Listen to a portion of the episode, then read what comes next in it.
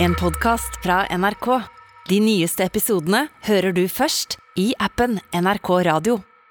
Velkommen til en splitter ny episode av podkasten vi kan kalle den Grønlandsprat i dag òg, tror jeg. Ja, det er grønlandsprat i dag. Vi skal tilbake til Grønland, og i dag så skal vi prate om grønlandshund. Det er vel eh, hunds svar på Toyota Hayes, er det ikke? Jeg vil tro det er ganske robust, eh, liten tasse, eller ganske stor òg. Vedlikeholdsfri kar. Absolutt. Og det var jo hele grønlandsturen vår sto på Det som sto på spill der, var jo om vi klarte å håndtere den grønlandshunden, og Ja. sette den sammen til et spann og kunne være med i nyttene der. Sette den sammen og holde den sammen. Ja, ikke minst. Og så, for du som hører på, hvis, dere, hvis det finnes noen ute der som er interessert i hvalkuka, så er dette episoden å høre på.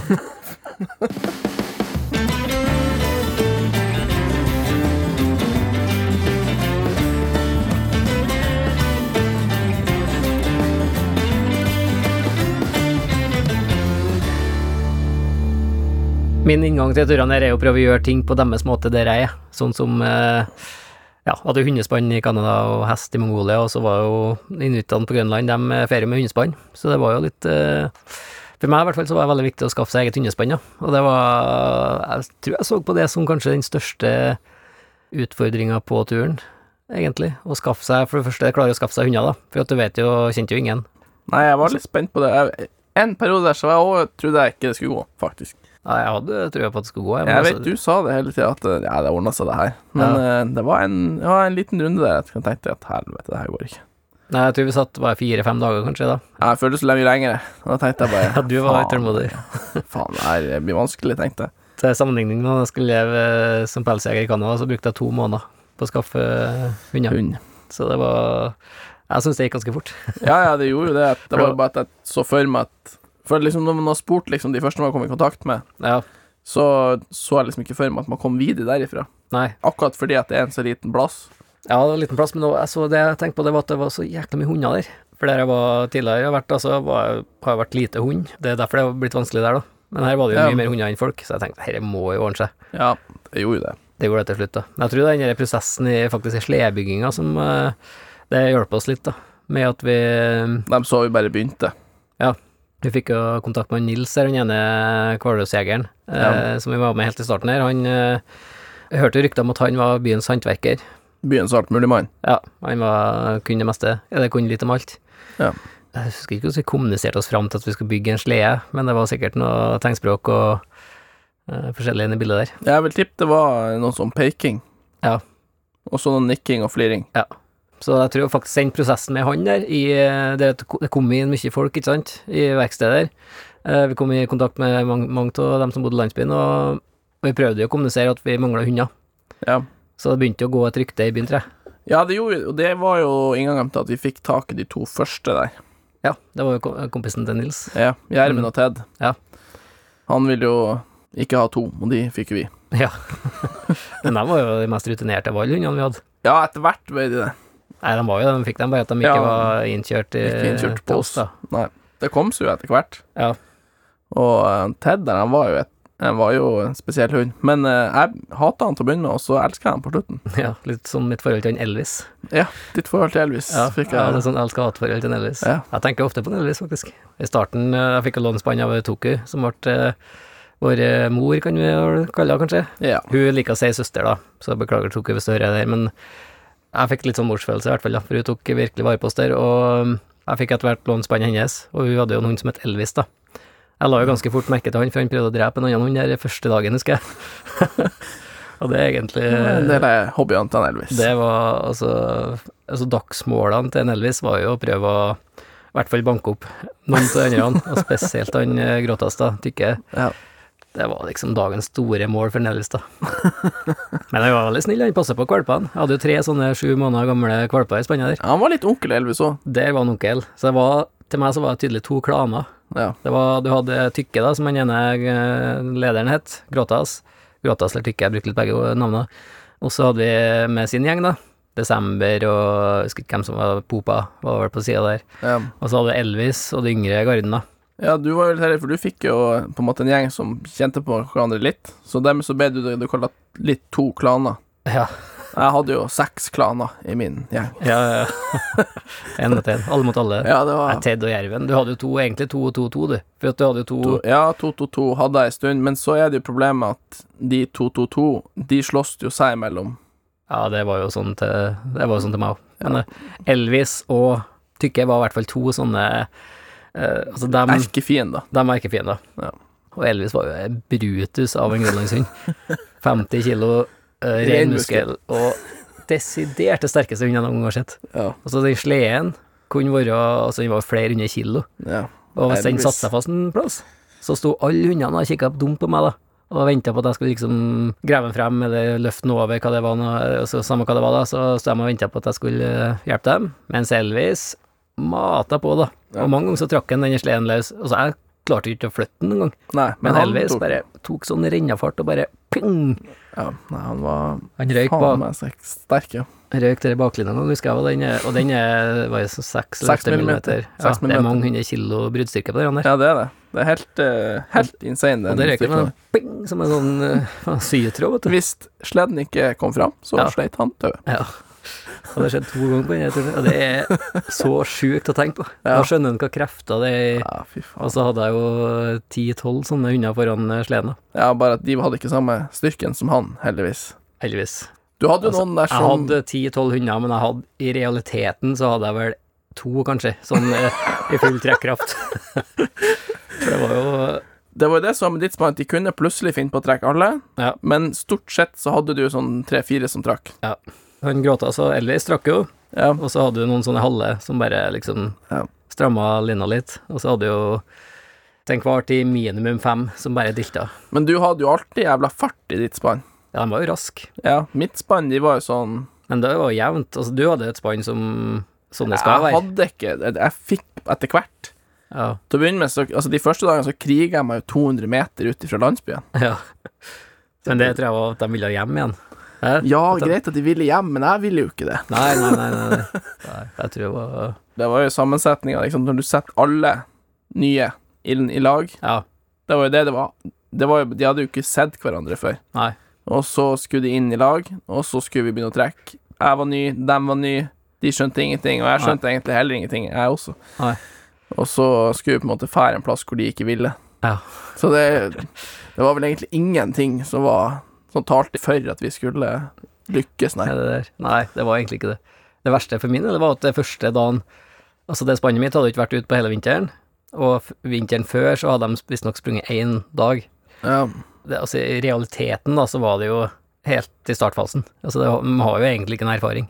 Nei, nei, nei. Og men det merkelige var at det første turen gikk liksom sånn Ja, det var null problem, var det ikke det du sa? Ja, det var litt sånn når vi skal komme i gang, og sånn, de slåss litt i starten, og så, men når vi begynte liksom å komme oss ut på et sånt eh, spor der, da, fiskerne brukte, så gikk jeg liksom Ja, jeg lå jo og duppa på sleden, tenkte herregud, dette var enkelt. Dette gikk jo Men jeg tror det verste er at jeg tror hundene skjønte ikke egentlig hva som foregikk, de skjønte ikke friheten de hadde. Nei. At det var faktisk eh, For de har stått på kjetting sikkert hele livet og visste jo ikke at uh, nå kan de egentlig i teorien gjøre akkurat hva de vil, ja. Ja.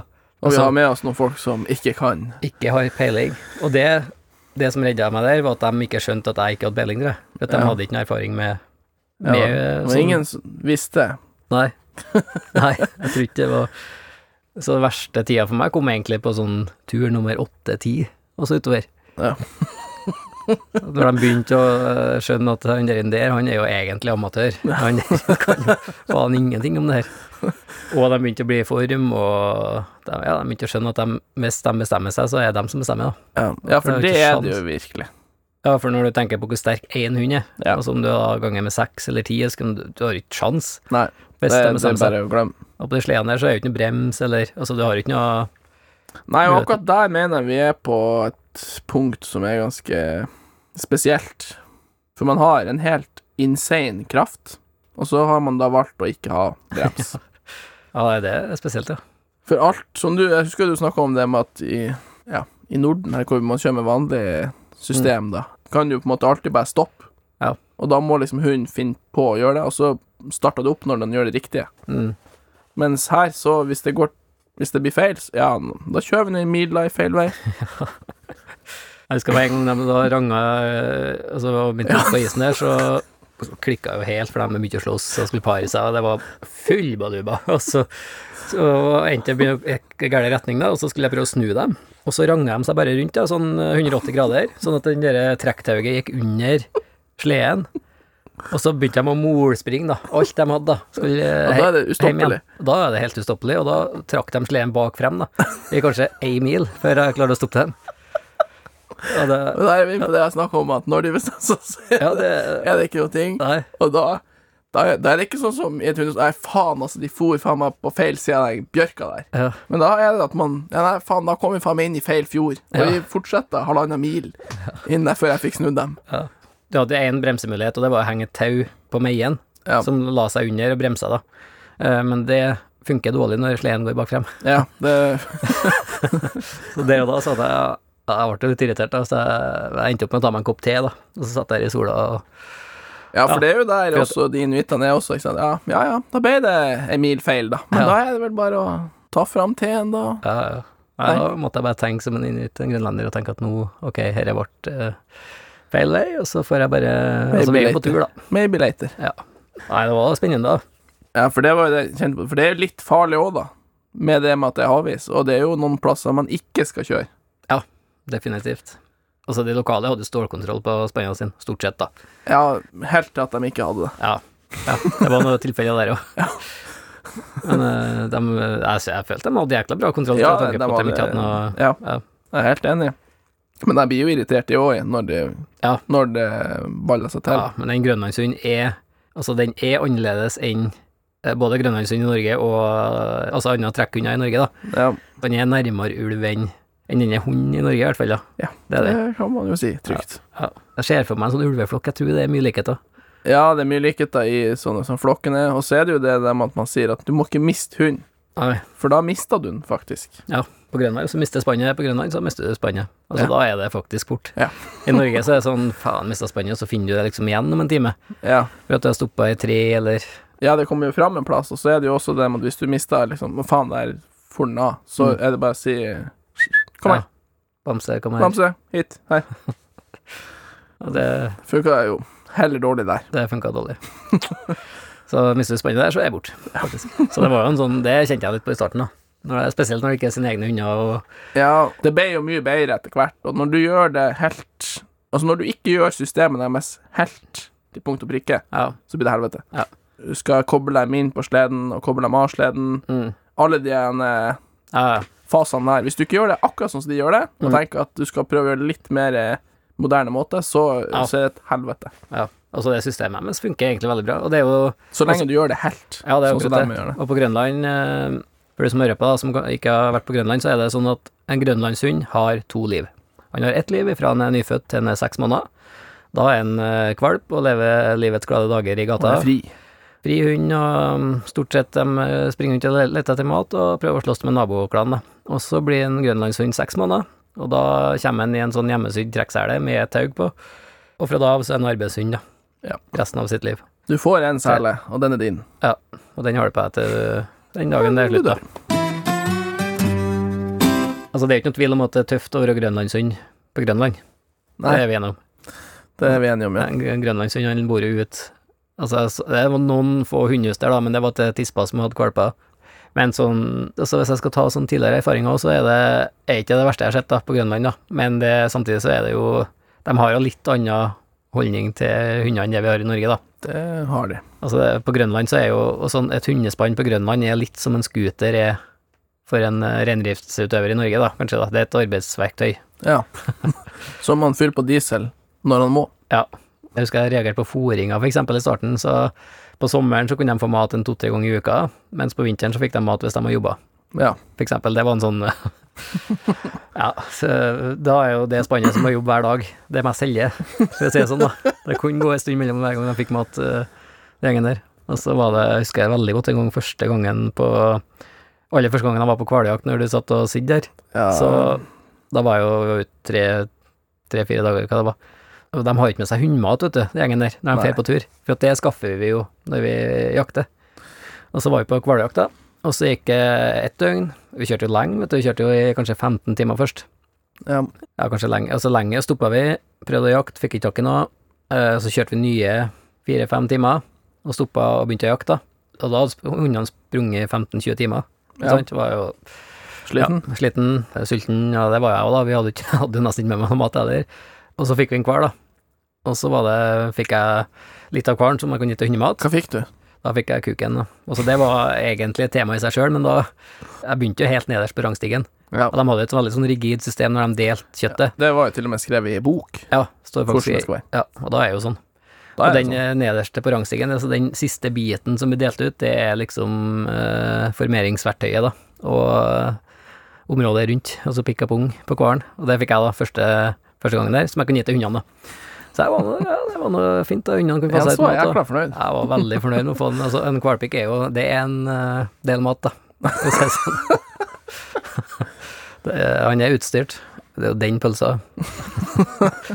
så jeg opp de som passa i biter til hundene, og så skulle jeg til å gi, da. Og så kom en sånn en Inga Parokk. Husker han? Han husker jeg godt, ja. Ja, så kom han og nei, nei, nei jeg måtte ikke finne på å gi hundene mat, da. Nei, altså, nei, hvorfor ikke, da? Nei, altså, vi skal ut og springe igjen. Ja. Altså, så må ikke For at hvis de får mat, så springer de så sakte, da. Nei, det er noe med å sette seg inn i Altså, det er faktisk det viktigste på en sånn plass, tenker jeg, når du kommer i en sånn kultur, det er å også være helt 100 bevisst på at man er der i deres verden, da. Ja, det er man. Og det blir jo helt feil å komme dit og skal lære dem Ja. Når du kommer til dem, og er med i lag med dem og skal gjøre deres ting, så skal du endre hele det har de gjort i alt det de har gjort i flere hundre år, skal du som person som skal være der et par måneder, endre. Mm. Nei, det Det er litt respektløst, faktisk. det, da mister du fullstendig ansikt, faktisk. Så det er noe av det dummeste man kan gjøre. Så det, men det er faktisk også ganske krevende å sette seg inn i, for at med den visdommen vi har rundt hunder i Norge, skjønner jo at å gi en hund en matbit innimellom Gjør at han lever. Ja det er også sant. Men at nå kanskje er litt mer gira på å springe og syns at livet er kult, da. På sikt, ja. Ja, mens der er det litt sånn annen tankegang rundt det, da. Så Nei, det er tøft å være grønlandshund på Grønland. Jeg tror dem som var med oss, hadde det veldig bra, da. Ja, jeg tror de var, dem tror jeg faktisk vi kan si at trakk eh, vinnerkupongen i Vikinglottoen akkurat den uh, uka vi kom der. Ja.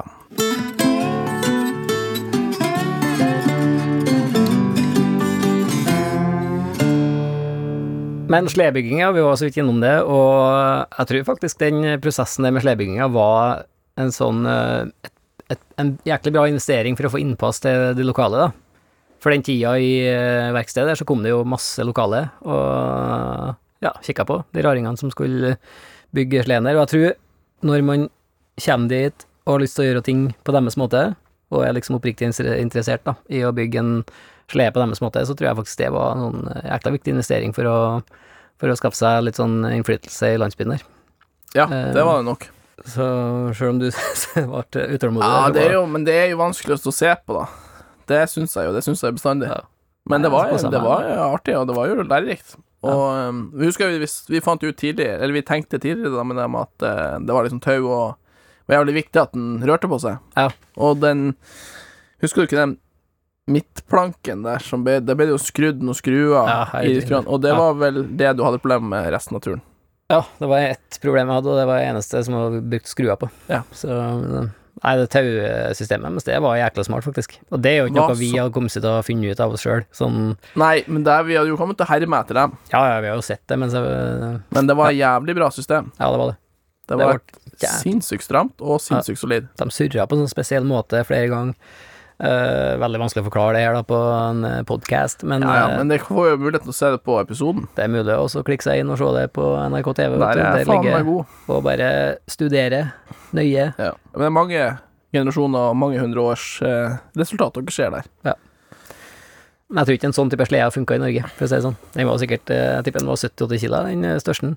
Altså strategien var jo å ha én stor slede, som vi liksom fikk eh, lasten på, Ja. og vi var jo tre. Vi hadde jo med oss en uh, skjult eh, mann på turen, som Ja. heter for Øyvind, som har fotografert og filma og uh, gjort at det er veldig fine bilder for du som kikker på. Uh, så vi måtte være to på en slede, og det var jo grunnen til at vi bygde den storen. Ja, i første gang. Men så var det jo et tilleggsfaktor. Det var jo at For at de sa jo det ville ikke vært noe problem å kjøre rundt med den lille kjelken tidlig på vinteren, Nei, det er men utpå etter hvert så vil, så vil det være ganske farlig å kjøre med den. Da bør den sleden være så lang som overhodet mulig, egentlig. Ja, for da ble det masse sprekker i isen utover eh, Jeg vet ikke om vi begynte å se de første sprekkene i isen, men kanskje sånn i Altså, det var jo sprekker i starten, Ja, ja. det var, det var, det var da de små og de Ja. frøs og sånt, men når det begynte å bli mai uti mai der. Da begynte det å bli Altså, juni var jo masse sprekker i isen. Ja. Vi var jo inne i en svær fjord, egentlig, og den fryser jo bit for bit. Helt ut til kystlinja, og for hver bit som fryser, så blir det jo ei sprekk, Ja. sant? Som Og så beveger det her på seg. det beveger på seg egentlig hele tida, og, og når det begynte å fjære og tine så mye, så ble det alle de svære flakene, da. Altså, de er jo mange, mange kvadratkilometer svære, da. Men de begynner jo å trekke seg fra hverandre på flo og fjære, da. Så trekker de seg litt ut av fjorden, og så litt inn. Den går og jobber. Jeg går og jobber hele tida, så en dag kunne sprekka være to meter, neste dag så så jeg ikke den. Ja. Og det kunne være at den revna litt, og så kom den i hopen igjen. Så for å komme seg over de sprekkene, så er det derfor at sleden måtte være lang, da. Ja. Sånn at tuppen på sleden er på andre sida, når enn ikke er det. Ja. Og det gikk jo veldig bra mange ganger. Ja, vi hadde vel en runde Ja, du hadde vel et par runder i Vi hadde noen, vi hadde noen runder hver. Jeg hadde en eh, Jeg hadde egentlig én, men den var skikkelig, da. Ja. Du tok Jeg hadde noen sånn halvveis, og du tok en skikkelig. Jeg tok en skikkelig. Så da Det var jo helt utpå mot slutten av turen, eller rett før dere for det, sikkert, da. Det var Ja, jo i slutten av juni. det var den råeste sprekkryssinga jeg har sett i mitt liv. Det som er, vet du, når du sitter på sleden, så sitter du ganske lavt. Du, du kan se ei sprekk, men du ser aldri hvor brei hun er, før du kommer på sånn ti meter, kanskje. Først da åpenbarer den seg sånn hvor brei den faktisk er, da.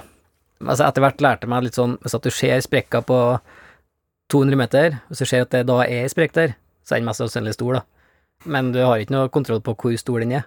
Nei. Eh, Så var det en gang jeg kom imot ei sprekk som jeg kryssa mange ganger. Ja, normalt rundt én meter brei, da.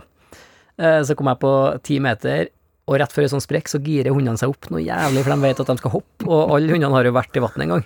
Og det er jo ingen hund som er gira på å bli og ramle ned i vannet der. Så rett før de kommer til en sånn sprekk, så girer de seg opp, da. Sånn 200-300 meter før sprekka.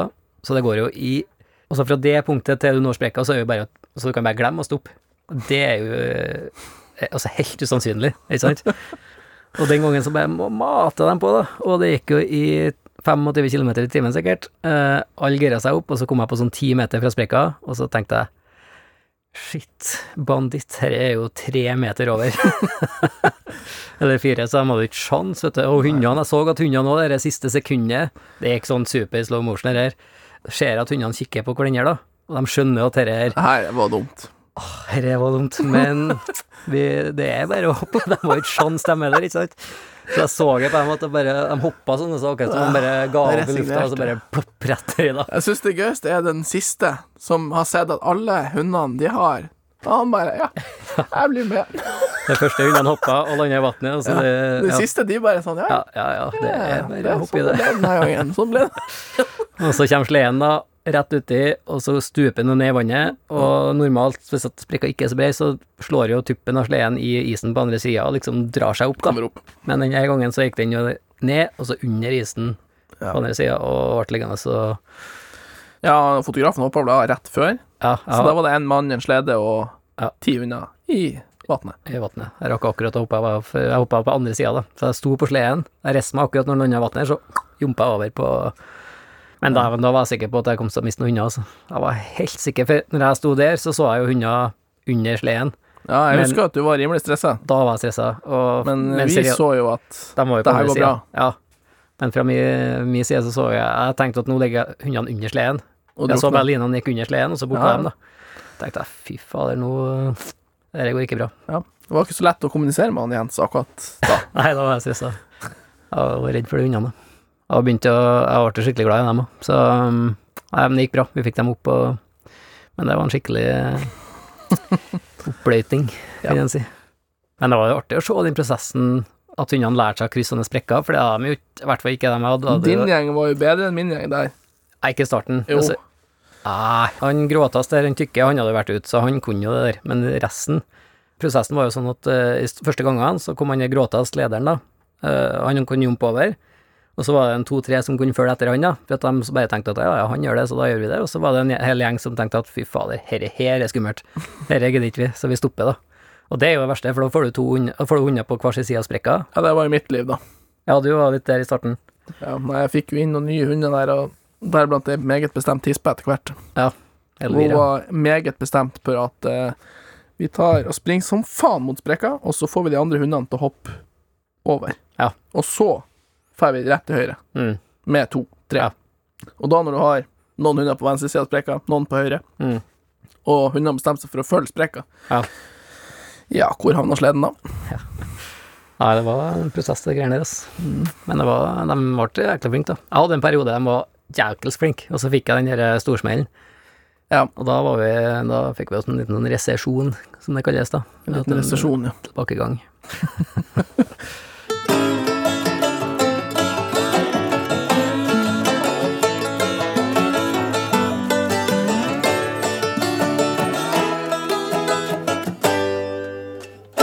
Vi har jo fått inn uh, mye e-poster fra du som hører på, til kontoen vår som heter for skitprat.nrk.no. Uh, vi tar òg imot røyksignal. Uh, vi har en sånn vaktpost oppe på Tyholttårnet her i Trondheim som sitter og følger med etter røyksignal for dere som bor litt ute i Det er det det store tårnet heter. Ja. Det sitter folk med kikkert og kikker utover. Så det er jo mulig, altså. Så um, for dem som har, kan det der, så er det bare å peise på med røyksignal. Men i dag har jeg fått inn et spørsmål som har kommet på e-post. Ja. Julie, hun skal faktisk gå på, gå på Norge på langs. Eller hun skal gå Norge på langs, og det ønsker jeg deg kjempelykke til med. Kjempekult prosjekt. Men hun har et problem. Hun har uh, ingen som vil gå i lag med deg. Men da, altså jeg kjenner en som uh, Jeg bruker å leie ut en Isak til sånne prosjekter, så det er bare å ta kontakt med meg privat, og så fikser jeg det. Eh, Så får du en prøvetur med Jens. hun har gjerne lyst til å ha med seg en hund. Da oppstår det et problem, som hun sier. Hun har ingen hund, og har heller ingen erfaring med hund. Jeg har prøvd å gå noen turer alene, men blir i det tyngste laget for hodet. Har dere noen tips? Jeg har tenkt på at det går an å låne en hund en plass, men vet ikke om det er mulig. Det er i hvert fall, eh, som jeg ser det, veldig mulig. Jeg tror nok det er veldig mange som kunne lånt bort en hund. Ja, det eneste hun må forberede seg på etter å ha gått på en Norge på langs, med hund på langs og Norge, Det er så er det at eh, hun ikke har lånt en hund når hun er ferdig. Nei, det er det. Da har hun å- videre. Begynne å bygge seg hundegård. Ja. For at da har hun faktisk en hund. Det til så, jeg kan, så kan jeg fortelle deg, Julie, hvordan dette kommer til å gå. Du kommer til å få låne en hund, og så er jeg mest sannsynlig kommer til å få- låne en Alaska Husky, for at eh, til slutt kommer du til å finne ut at det er hundekjørere som har veldig mye hunder, eh, som er veldig glad i å låne bort hunder, for at da, da får de seg turer, og spesielt på våren og sommeren, da, som du skal gå nå, så er trekkhunder blir de stående, da, og ikke få trene så mye, så du kommer til å ende opp med å låne en Alaska Husky. Og så går du da eh, begynner å gå Norge på langs, og så tenker du herregud, for en eh, ivrig og gæren Hun er jo helt gæren, altså han er jo helt vill. Eh, og så går det to uker, og så kommer han til å være helt sånn fløyelsmyk, for han har fått trena og trimma og sett mye, og du har blitt, han har blitt glad i deg, Og og han bærer kløv. han bærer kløven, og dere koser dere i teltet, og så blir han superglad i deg, og så begynner du å bli veldig glad i den hunden, og så fortsetter du å gå, og så ser du at dette her har jeg aldri klart uten denne hunden, og så eh, kommer du hjem, og da ender med at du har kjøpt den da, eh, og så kommer du til vinteren, og så begynner du å holde litt kontakt med den hundekjøreren, og så ser du at herregud, hva kult det er med hundekjøring. Ja. Det ser helt kunne gjort det fantastisk ut. den hunden hun Enn om jeg heller har gått Norge på langs med hundespann. Kommer du til å tenke da? Ja. Og så kommer du ut på vinteren, så er det med en hundekjøreren og kjører en stund, og så kommer du på våren, så er det på en sånn skikkelig langtur da med en hundekjøreren. Og så blir du helt forelska i hundekjøring, og så neste sommer så kommer du ende opp med å ha seks sånne alaskaskader. Og så kjører Norge på langs året etter. Ja. Så hun Så- kan jo egentlig kjøre shortcuten, da må hun bare ta kontakt med et hundespann, og så få kjørt eh, hundespann eh, på langs i Norge i vinter. ja det har jeg ville gjort. eh, Så egentlig for å gjøre noen sånn eh, shortcut der, så er det egentlig bare å begynne å kjøpe seg et hundespann, Ja, og en slede. og så begynne å trene dem sånn at de er klar Til til. Norge på lang sommer, eh, vinteren 2024. Ja. Det er egentlig bare å få gjort det med en gang. Ja.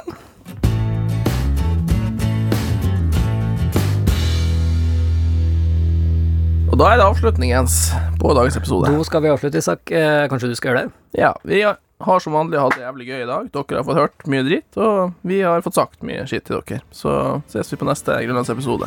Vi høres.